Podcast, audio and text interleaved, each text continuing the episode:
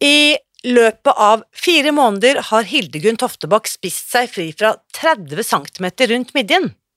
For henne er likevel de viktigste effektene de som ikke handler om vekt.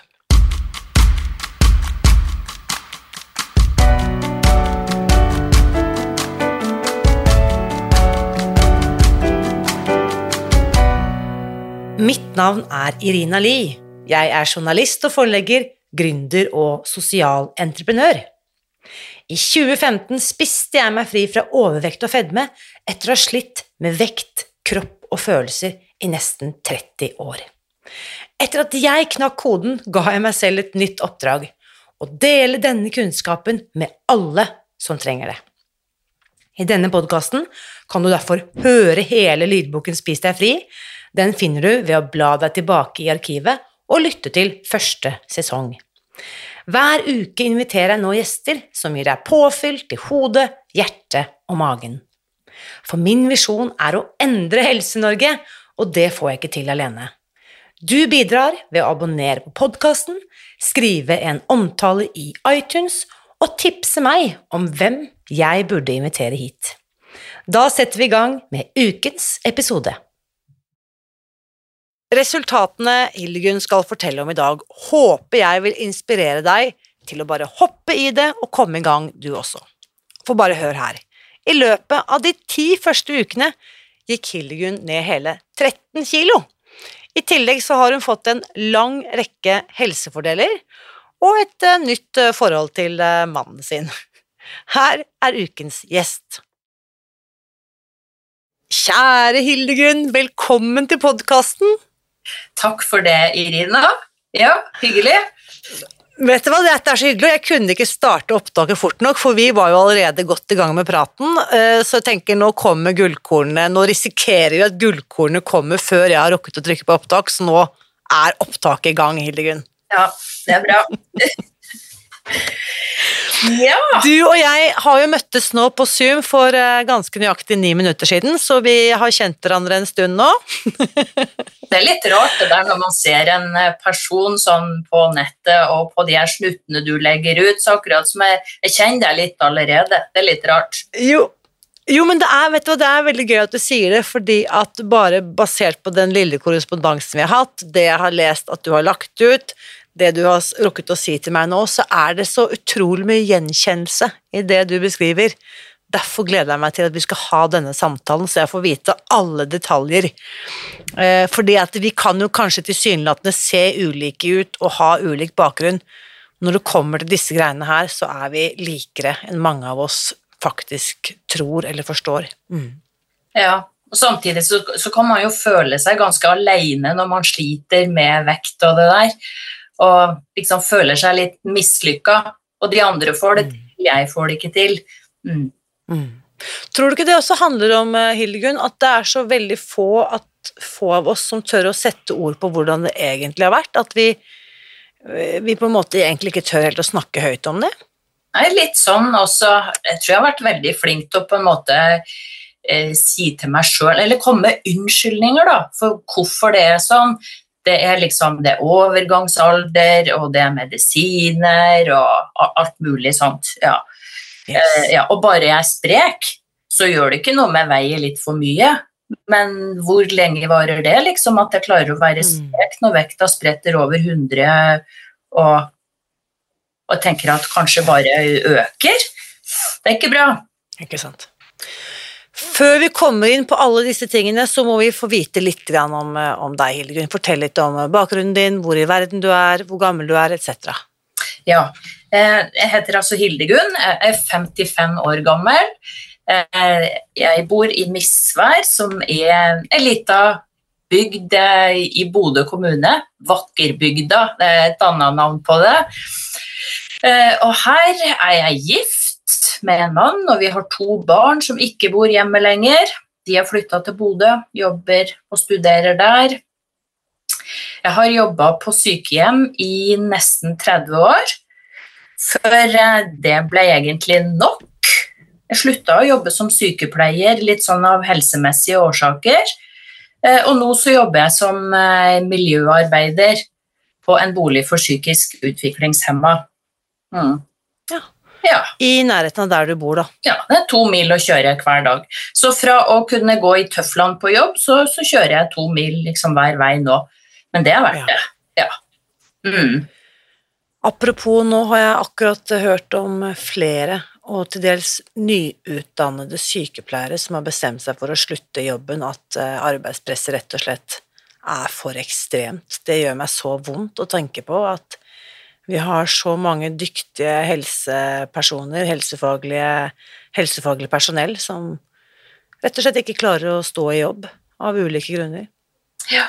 Nei, jeg klarte det ikke lenger, og, og prøvde i eh, ja, gode 25 år da, på å liksom klamre meg fast, men så kom jeg til et punkt der eh, jeg fant ut at nei, jeg må faktisk bare gjøre en drastisk endring.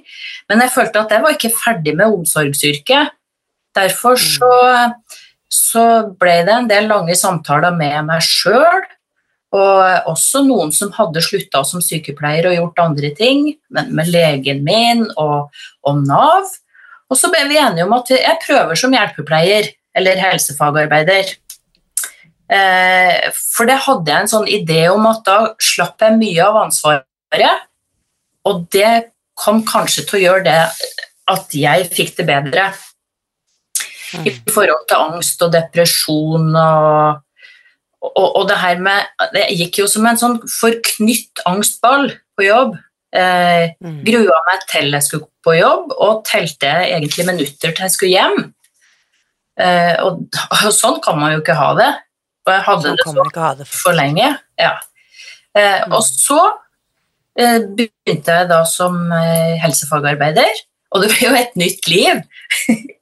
og så hadde jeg litt sånn et håp om at ja, men nå, nå blir det lettere å gjøre noe med vekta også. Mm. Ja, hvor lenge siden er dette her at du hoppet av sykepleierkarusellen og, og i samråd med gode, gode veiledere det tok den tre- beslutningen? Tre år. Tre år. Mm. Mm. Og da var jo dette faktisk midt under eh, nedstengning og covid og sånne ting, eller var det rett før dette? Ja, det, I løpet av det året med Ja, så 2020. Da 2020. var jeg først lenge sykemeldt, og så fikk jeg lov å prøve meg som helsefagarbeider, da, og det Ja, det gjorde susen, rett og slett. For bare en sånn ting som at jeg har vært mye plaga med migrene, eh, som nok har vært veldig sånn stressrelatert òg, det ble nesten Mm. borte når jeg slutta å jobbe som sykepleier. Ja. Jo, men kan du bare forestille deg hva som skjer, sant, med absolutt alle nerveceller du har liksom rundt i hodet og skallen og skulder, nakke, ikke sant? Mm. Hvis du faktisk høye skuldre og gruer deg til å gå på jobb, selvsagt, det sier seg nesten selv, det må jo manifesteres som hodepine. Ja. Og, og ondta rundt om i kroppen ellers, ja, tenker Og jeg. vondter rundt overalt, og ikke sant, sånn som du også beskriver nedstemthet, depresjon, angst, uro. Altså det altså Så fantastisk. Jeg blir så glad også å høre at du på en måte fikk med deg alle disse gode støttespillerne på laget. Fastlegen nevnte du, ikke sant, Nav, eh, helt sikkert eh, tidligere kolleger og gode venner og familie, som gjør at du tar den beslutningen. For jeg stiller jo ofte spørsmål, Hildegunn.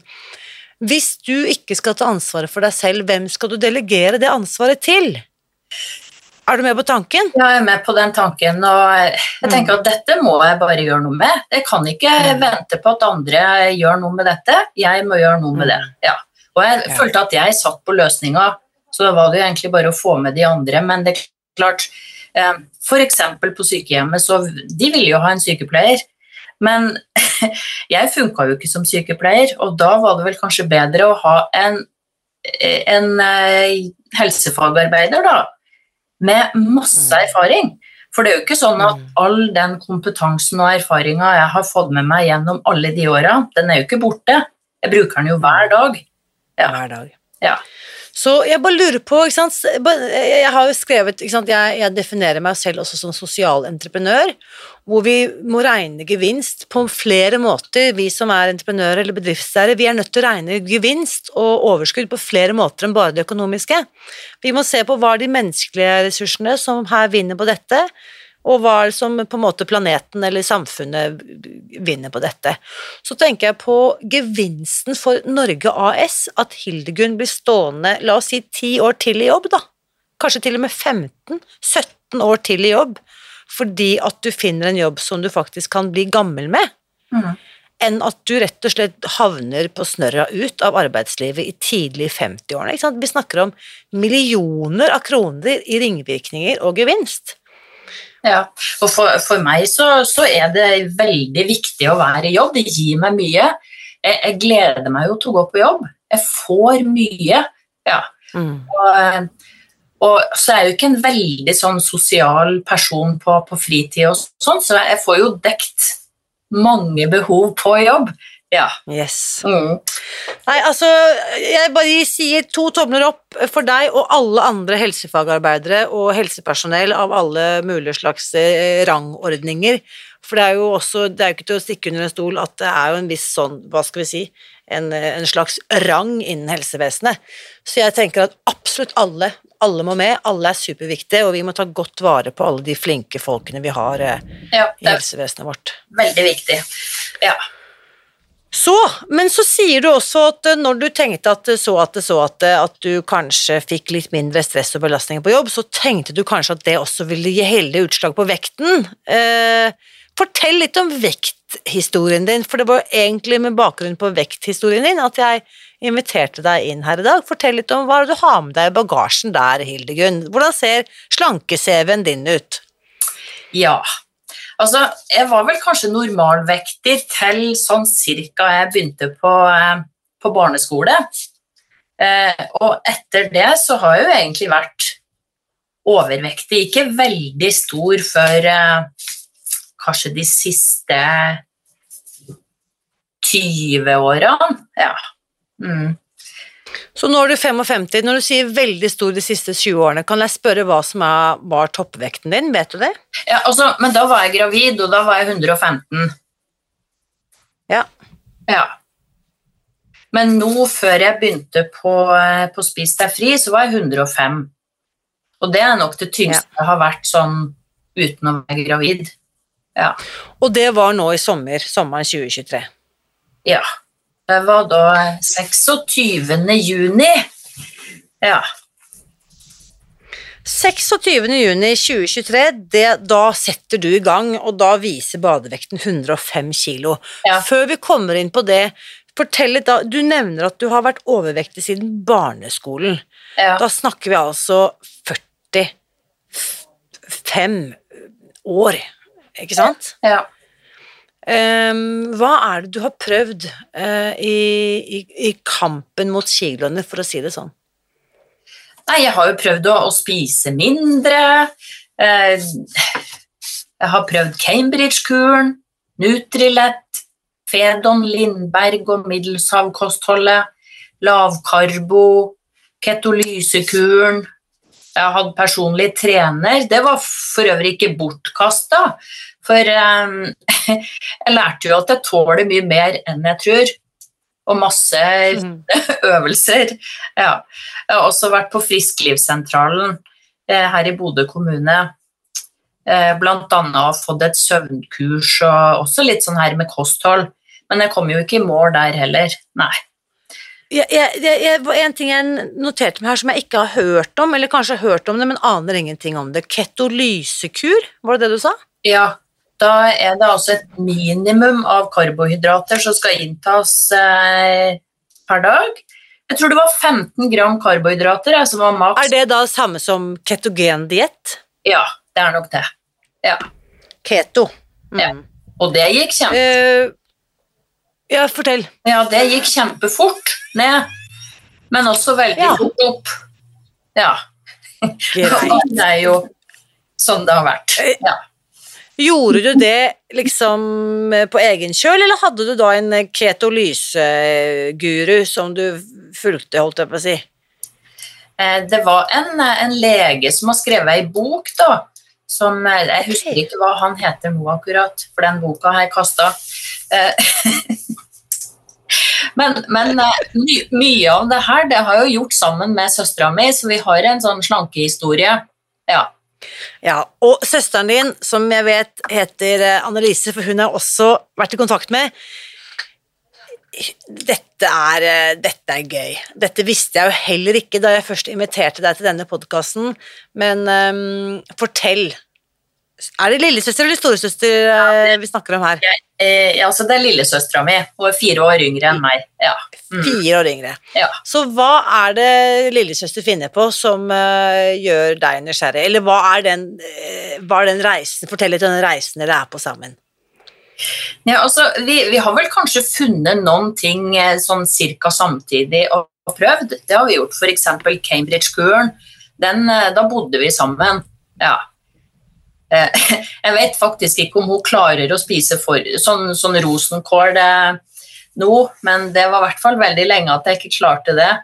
For det var liksom 14 dager på pulver, og så var det én lørdag per 14. dag. Jeg tror du fikk lov å spise en halv kylling, og så tror jeg det var 14 rosenkål. er dette Cambridge-kuren du snakker om nå? Ja. Helt forferdelig. Ja. Mm. Så bare, bare, tanken på sånn der pulversuppe, f.eks., jeg, jeg har lyst til å brekke meg. ja. ja. Men dere gikk jo helt sikkert ned i vekt? Ja, masse. Jeg tror jeg gikk ned 27 kilo. Ja. Ganske fort. Ja. Mm. ja. Men uh, det var vel nesten fortere opp igjen, tror jeg, sånn egentlig. Ja. Ja. Uff, uff, uff. Ja. Nei, så vi kan jo ikke si at det er jo ikke villedende markedsføring, fordi de sier jo ikke at du skal holde vekten, de sier jo bare at du skal ned i vekt, og det stemmer jo. Ned i vekt i en fart. Ja. Ja. Så hadde det vært så enkelt, så hadde vi alle sammen vært eh, lykkelige nå, fordi at eh, vektnedgang, det er jo ikke der problemet oppstår. Det er jo å unngå den vektoppgangen som eh, de fleste av oss har møtt på en vegg, for å si det sånn. Ja. Ok, så du og lillesøster Annelise har eh, holdt på med litt av hvert eh, sammen. Det Eh, så hva skjer da? Eh, Hva er det Annelise finner på som eh, gjør deg nysgjerrig? Nei, altså eh, Det var egentlig ikke så mye prat om det, men så møttes vi, og så kjente jeg jo nesten ikke igjen.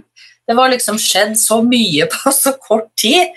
Og så litt sånn Hva er det du gjør, da? Nei, det spis deg fri, og ja, det burde du sjekke ut, og litt sånn hva, hva går det ut på, da? Nei, du skal spise liksom tre måltider om dagen, du skal veie maten og sånn, og ikke, Veie maten? Det hørtes ikke noe bra ut. Så ja, nei, jeg tror jeg var egentlig litt negativ, jeg. Ja. Mm. Ja, vit at du ikke er alene om det, fordi at dette er jo det mange ønsker å karakterisere som både ekstremt og helt rigid og ikke til å leve med. Mm. Så jeg, jeg, jeg kan kjenne meg inn i den, uh, Hildegunn. Men så var det jo på en måte sådd et frø der, da. Og så um, her i vår Når var, det du, når var det dette møtet var at du nesten ikke kjente henne igjen? Husker du når, sånn cirka når på året det var? Det måtte jo være litt sånn tidlig på, på sommeren, og hun begynte vel ved påsketider, så allerede da tidlig på sommeren så var det jo kjempeforskjell på henne. Så det her går fort. Ja. Mm. Um, og så I sånn cirka den samme tida der så var jeg på en fagdag om diabetes og overvekt. I, Og- i kraft av jobben din? i kraft av jobben min, ja. Og en av legene der, han, han kunne egentlig ikke få poengtert nok på en måte hvor viktig det var med det her med å gå ned i vekt. Miste magefett. Ja. Og på en måte alle kilo ned. Det, det gjorde at du fikk en mindre sjanse for å få diabetes, da.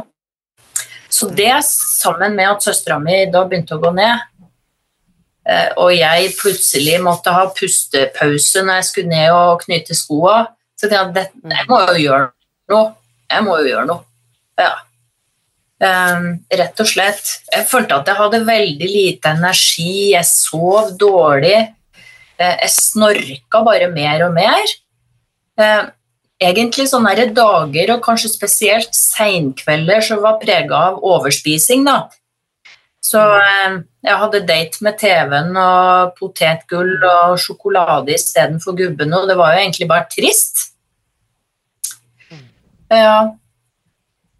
Og det, det her med å gå og legge seg full av potetgull og sjokolade, det gjør jo ikke noe bra for søvn. Nei. Lå der og kjente på en sånn at pulsen raste og ja, masse uro i kroppen. Og egentlig litt sånn der når du får den der blodsukkertoppen, da, og så går den over, Og da fikk jeg enda mer uro. At det trigga angst, da, rett og slett. Ja. Ja. Men også det her at jeg på en måte tror jeg har en sånn familiedisposisjon for diabetes. da. Hjerte- og karsykdommer og litt sånn slitasje på gikt og alt. Jeg tenkte jeg, jeg må bare gjøre noe. Ble du redd, eh, Hildegunn? Ja, spesielt for, eh, for det her med å få diabetes. da. Og så har jeg en far som, som døde av et hjerteinfarkt eh, 55 år gammel. og Det er like gammel som jeg er. Så tenkte jeg at Altså, jeg må gjøre mitt. Ja. Og jeg kan ikke vente. Plutselig så er det for seint. Ja. Så jeg må gjøre noe nå. Og da bestemte jeg meg bare for å prøve, jeg også. Da hadde jeg lånt denne boka på biblioteket, 'Spis deg fri', og lest gjennom den. Og så bestemte jeg meg for bare å Ja, jeg prøver i hvert fall 14 dager, og så ser vi hvordan det går. Og det gikk jo helt strålende. Var 26. juni at du bestemmer deg for at uh, nå, nå kjører vi, nå bare tester vi dette her. Ja, og da hadde jeg vært eh, på en sånn miniferie i Stockholm sammen med dattera mi og egentlig fråtsa og kom hjem da og Ja, nå Nå kjører vi. Ja. Nå kjører vi. Mm. Altså, jeg, jeg, jeg kjenner på alvoret i det du beskriver, For sånn som du sier òg, familiært, man er kanskje disponert, arvelig sånn og sånn, du mister dere da, opplever å miste faren eh, deres eh, når han bare er 55. Ja. Um, det er ikke noe tull, det er ikke, vi, vi snakker ikke, vi leker ikke butikk her, liksom, dette er alvor, altså det er liv og helse vi snakker om. ja, det er det. Absolutt. Ja. Mm. Og jeg tenker at jeg må ta ansvar for meg sjøl. Og jeg må gjøre det som er best for meg sjøl. Og hvis jeg har det bra, så har også familien min det bra. Og de rundt meg på jobb og ellers venner og familie. De får det bedre hvis jeg har det bedre. Ja. Yes. Det er så Det er akkurat dette her jeg snakket om med disse ringvirkningene. Og det er det umulig å sette en verdi på ikke sant, i kroner og øre. Men hvis du tenker livskvalitet, det at du tar vare på deg selv, får så enorme positive ringvirkninger. Mm. Som eh, overgår eh, altså Det tenker jeg er det mest verdifulle vi kan gi videre da, til våre kjære og nære. Mm. Ja. Og selv om jeg er jo ikke, ja, altså jeg er jo ikke i mål i det hele tatt, men, men bare den følelsen jeg har nå, den er jo helt fantastisk. Ja. Man kler på seg. Altså, Ja. Ikke sant? Eh, nå har vi kommet til oktober, så ikke sant? juli, august, september Fire måneder uti der. Hva, hvordan føles det nå? Fortell litt om resultatene du har fått i løpet av disse fire månedene. Ja, jeg har gått ned 17,5 kilo. Eh, ja, og, og det er jo ganske mye. Eh, Men allikevel så er jeg ikke så opptatt av akkurat det tallet, men det er liksom den der følelsen. Men det som jeg er veldig opptatt av, det er jo de 30 cm som er borte fra midja. Og det er jo Ja, altså det er en linjal som er borte. Ja. ja. Og, eh, og det syns jo virkelig. Eh, Og ikke bare på det at jeg er blitt smalere, men, men at jeg på en måte har en sånn, et, et litt annet driv. Ja. Mer energi. Yes. Ja. Åh, så jeg blir så glad og begeistret når du forteller meg, forteller meg dette. Hva med søvnen din, eh, Hildegunn? Hvordan går det med sovingen? Altså, jeg sover mye bedre. Jeg tror nok at jeg snorker fortsatt, og det det, det kanskje kommer jeg til å fortsette med òg, men eh, ja, jeg sover i hvert fall bedre og føler meg uthvilt når jeg våkner om morgenen. Ja. Mm, Mm. fantastisk. Date nights, Ja. Date nights med TV, potetgull og sjokkis, hvordan, hvordan står det til med det? Nei, det, det har jeg slutta med. Og så merker jo jeg da at jeg har eh, mer lyst på min mann. Ja. Og det er en veldig, god, det er en veldig god ting. Ja. Det tenker jeg han også synes er en god ting. ja, det gjør det. Ja. Jeg holdt på å si liksom Spis deg fri fra å date TV-en. Det, ja. Det, gjør jo underverket på hjemmebane, vil jeg tro. Mhm. Men jeg føler, Så føler på en måte at det, liksom, kroppen har våkna sånn litt til live. da, Ikke bare selve kroppen, men, men hodet òg. Og det er jo noe jeg har merka før, også hvis jeg har vært skikkelig utpå med, med kaker og snop og alt mulig. Eh, så jeg, jeg blir så treig, og hodet funka så dårlig. Og så hvis jeg da kutter ut alt det der igjen Oi sann, hva skjedde nå? Ja, nå ble skjermen din mørk, men jeg ser og hører deg fortsatt. Ja, men i hvert fall så Når jeg kutter ut det sukkeret og alt det der, så er det akkurat som det er en sånn snerk som forsvinner av hjernen. Jeg, vet, jeg tror jeg beskriver det sånn som snerket, det fer av. Ja. Og så, og så virker ting mer som det skal. Ja. Snerket forsvinner fra hjernen. Dette er jo helt Altså, snakk om gode bilder. Dette her Jeg, jeg, jeg vet akkurat hva du snakker om. Spis deg fri fra snerk. ja det, det er Ja. Men, eh, men det er sånn det virker. Det er akkurat som jeg våkner, da. Ja. Fra en sånn Ja. dvale. Ja. Og kanskje ting fester jeg skal eh, eh, Ja, at, at, at du blir rett og slett litt skjerpet, og du blir klarere og mer på en måte våken. Mm. ja, huske bedre. Ja. Mm. ja, rett og slett. Mm. Jeg ehm, eh, må bare få lov, eh, Hildegunn, å snike inn et bitte lite snorketips, siden du nevnte dette med snorking. Ja, selvsagt, dette vil jo bare bli bedre og bedre. Du nevnte jo også at du fortsatt skal ned i vekt. Vektnedgang har jo superbra effekt på snorking, men det er et supertriks til som du kanskje ikke har hørt meg snakke om, Nei, det har jeg ikke. og det er å teipe munnen når du sover. Ok. ja vel. ja. Vet du hva, det er altså, jeg har sikkert spilt inn ti podkaster om pust gjennom de siste tre årene, for jeg har oppdaget eh, pust og pusteteknikker i, under covid, da jeg også kjente at jeg ble rammet av eh, angst og uro. Og et av de triksene som min eh, kjære mentor Anders Olsson har lært meg, det er å teipe munnen med soveteip. Altså bare med sånn mikropor. Du har helt sikkert eh, et eller annet i, i baderomsskapet ditt. Ja. Sånn, sånn 2,5 cm bred, sånn som er hyggelig for huden. Du kan bare ta en liten stripe av den, eller ta norgesplaster og bare sette på. Fordi at når vi lukker munnen når vi sover, hjelper munnen til å holde seg lukket, så puster vi gjennom nesen gjennom hele natten. Og da lover jeg deg, snorking er fortiden til. Hører fortiden til. Det, det, det er ikke mulig å snorke når du puster gjennom nesen. Eller det er så å si opphører umiddelbart. Mm. Takk for tips. Det, det skal prøves. Ja. Mm. Og jeg vil bare oppmuntre deg til å søke i podkasthistorikken, og alle som hører dette nå, tenker at dette var helt sjukt, hva er dette for en slags sprøyt? Det er ikke meg, ikke tro på meg, men dette er vitenskapelig, dette er forsket på under utallige omstendigheter, annet av Anders Olsson og James Nestor, eh, med forskere fra Stanford. Eh, Det må vi jo stole på er eh, bra. Så du gjør i hvert fall ingen skade med å teipe munnen om natten. Eh, Det blir kanskje bare litt lavere desibel av snorking. Eh, Og også bare som en sånn lite sånn varsel altså Jeg har mange kvinner som har kommet til meg og sagt sånn 'Å, det er så fantastisk å teipe munnen.' Og nå har jeg begynt å teipe gubben også. Det er ikke lov å teipe andre, andres munn enn sin egen. Nei. Nei, men det blir spennende å, å prøve. Jeg må ta litt vann. Test igjen, eh, Hildegunn, og så send meg en melding når du har, eh, når du har um, testet, for det er eh, og, og hvis du trenger liksom litt sånn innføring i hvordan gjøre det, så jeg skal faktisk finne den episoden, så, så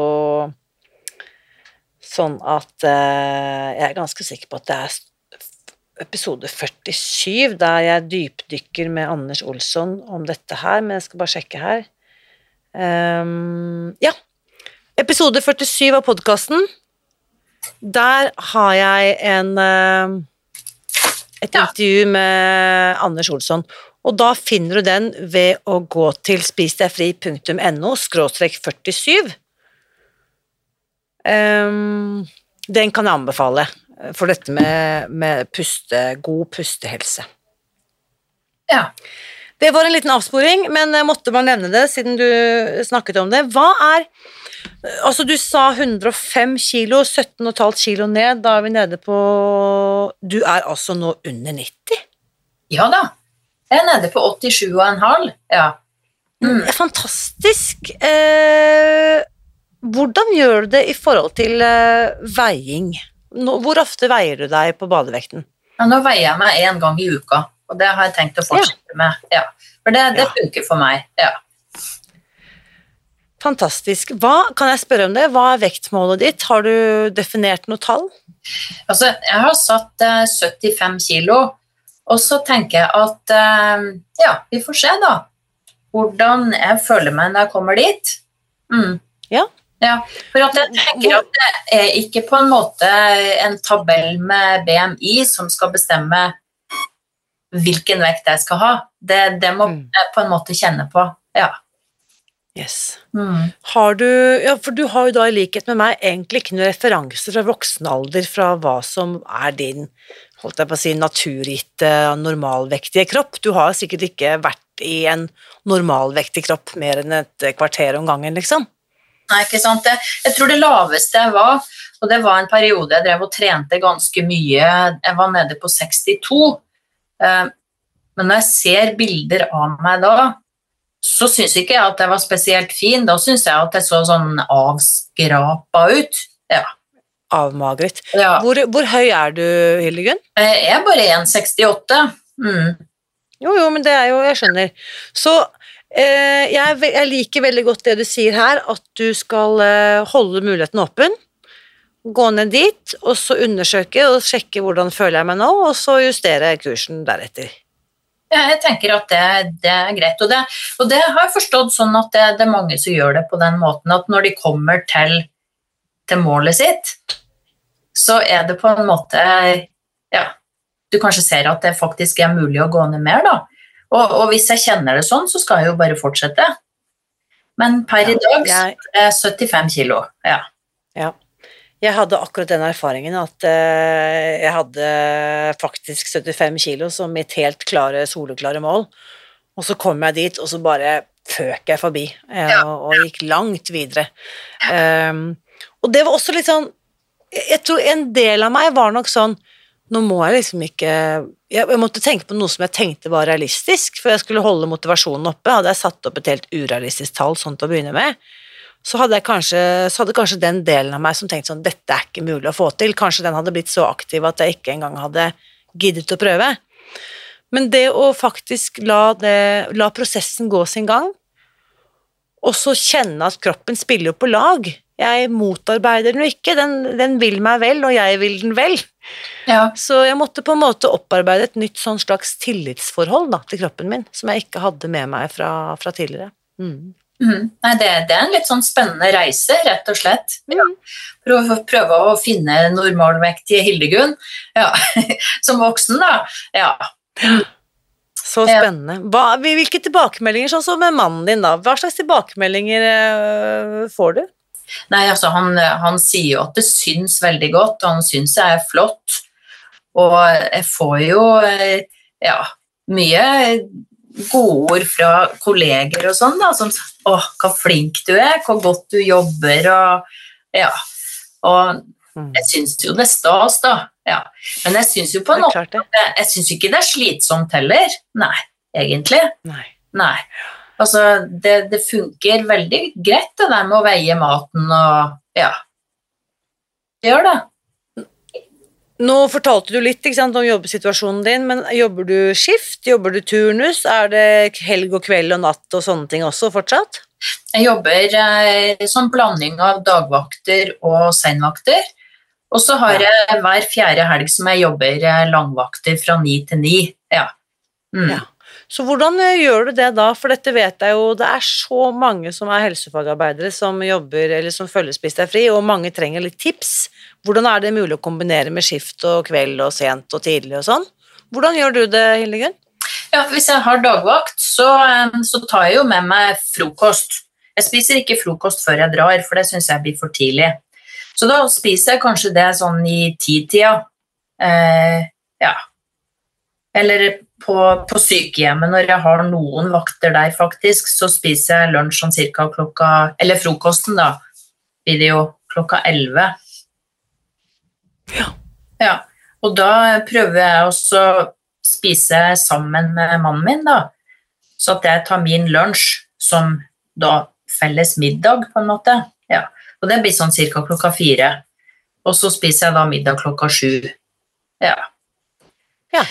Mm. Og da får du jo et godt og langt spisevindu fra kveldens siste måltid, både frem til du legger deg. Da går det sikkert en eh, to, tre, fire timer før du legger deg, sånn at du ikke legger deg på liksom eh, full mage, og så får du en god natts søvn og en grei morgen der før du spiser frokost igjen. Mm. Ja. Mm. Så det er ikke sånn at når jeg våkner at jeg føler meg skrubbsulten på no noen måte. Det er liksom helt greit. Jeg føler ikke at jeg må ha mat. Nei. Jeg kan, jeg kan godt gå på jobb og ikke spise frokost, og da vente til, til vanlig lunsjtid med frokosten. Ja. Ja.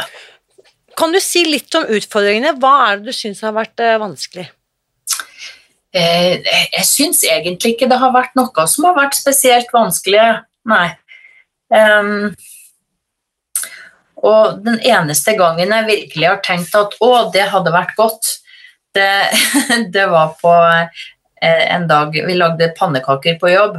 Ja. Og da tenkte jeg at å, herregud, pannekaker med blåbær og bacon, det hadde vært godt, det. Mm. Ja. Men uh, jeg skulle ikke spise Hva Nei, hva Er det noe liksom Og hadde det skjedd nå, da, hva er det du ville ha sagt til deg selv som gjør at det er mulig for deg å velge bort? Ikke nødvendigvis alltid enkelt, men hva er det som gjør at det er mulig for deg å takke nei til disse greiene? Men jeg vet så veldig godt at det ikke er bra for meg, og sjøl om jeg syns det er kjempegodt med pannekaker, så vet jeg at jeg får en sånn ekkel klump i magen etterpå.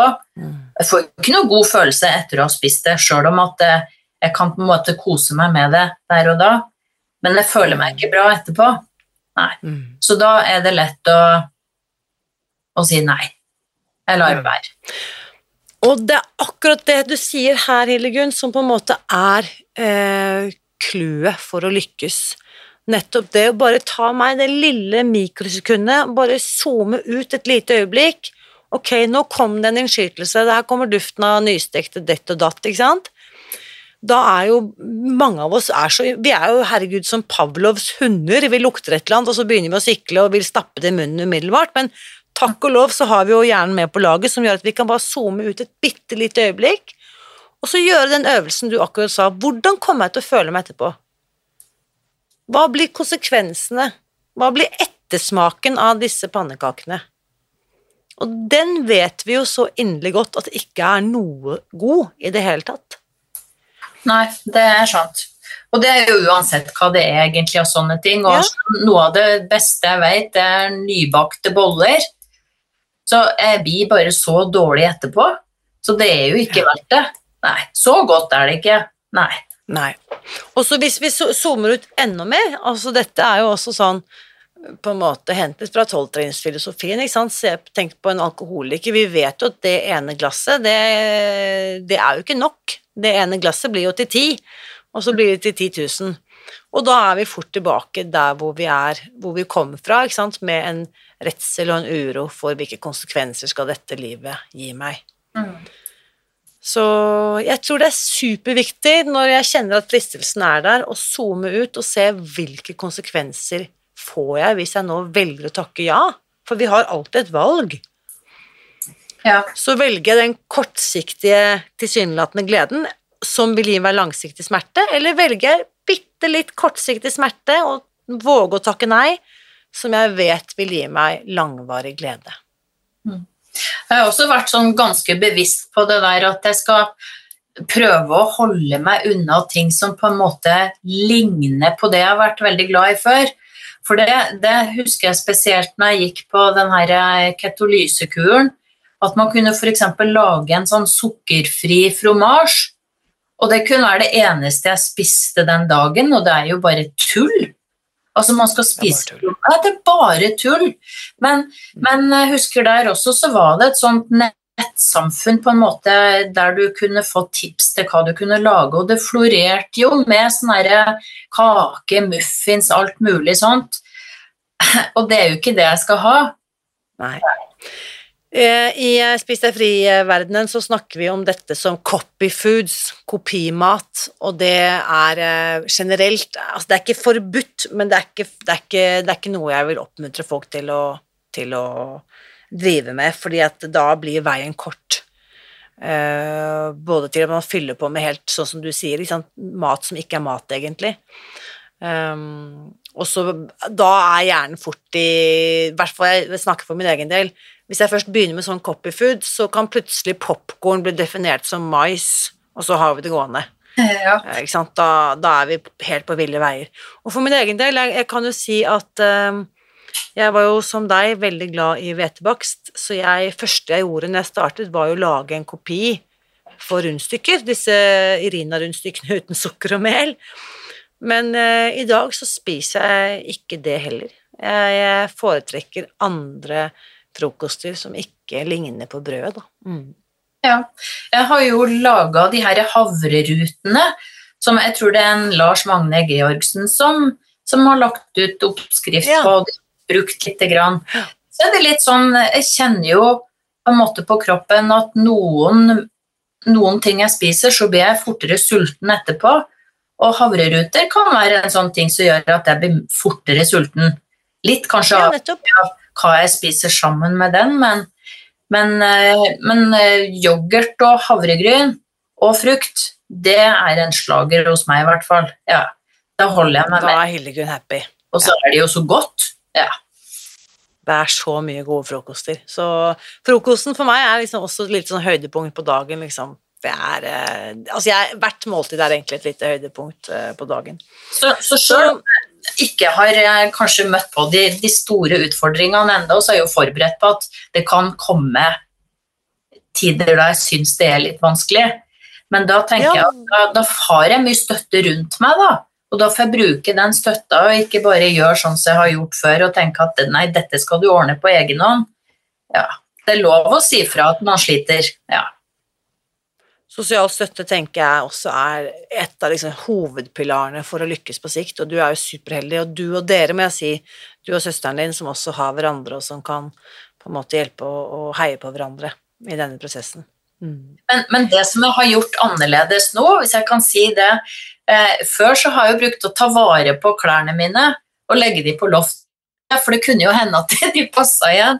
Men nå, nå har jeg fått det ut av huset, ferdig med de, jeg skal ikke bruke de mer. Så det er jo på en måte en sånn ja, en forpliktelse, da. Ja. Altså, jeg, jeg skal ikke dit igjen. Nei. Nettopp. Jeg hører at du har eh, lest eh, boken godt og grundig, Hildegunn, for dette er også et av disse supertriksene vi bruker. I tillit til meg selv kvitte meg med skitten som jeg ikke vil tilbake til. Mm. Mm. Ja, Så lenge det ligger på loftet, så, så, kunne det være en sånn på en måte nødutgang. Ja.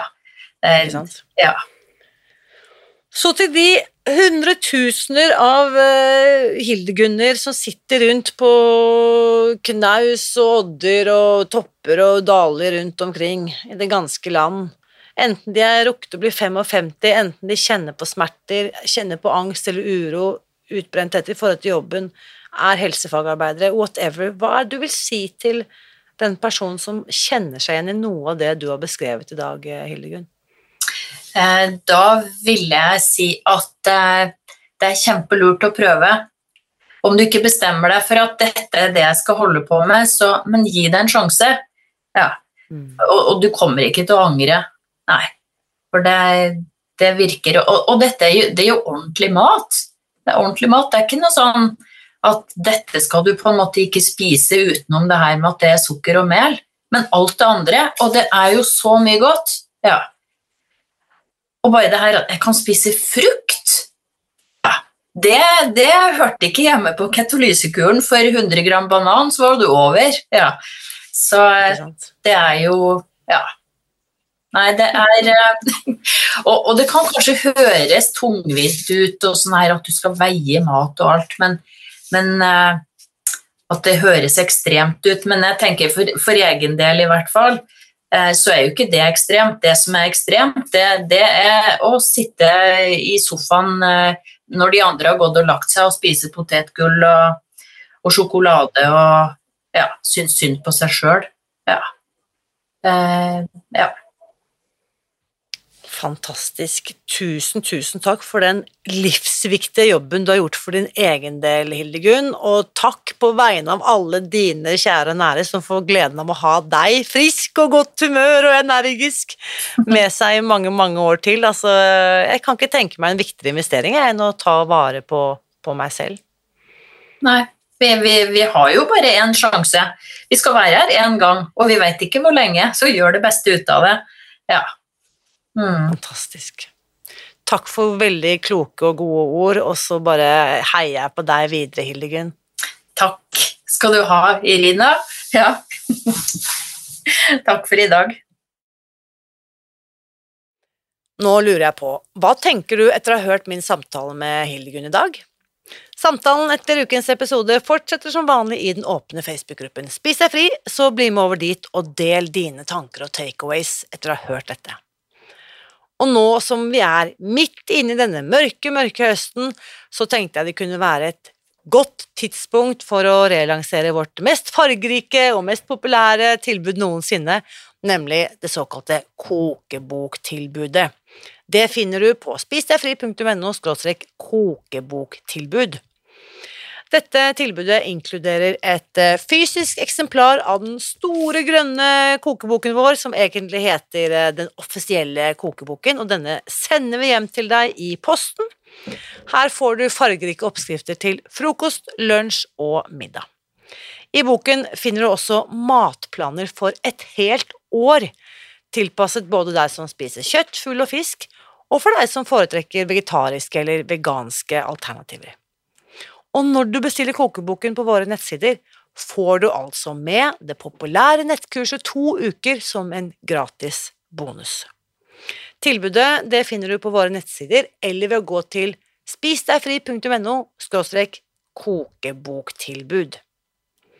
Ikke nok med det. Da vi lanserte denne grønne kokeboken, så inviterte vi Spis deg fri-følgere over hele landet til å lage oppskriftene hjemme på sitt eget kjøkken og spille inn en video.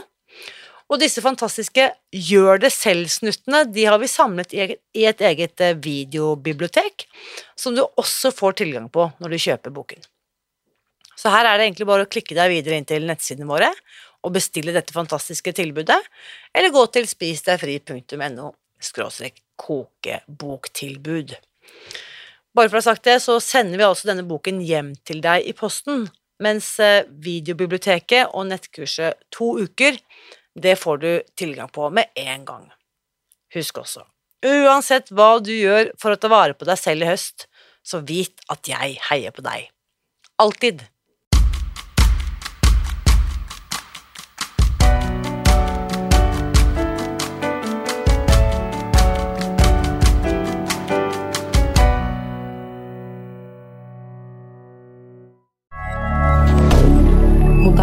D'accord.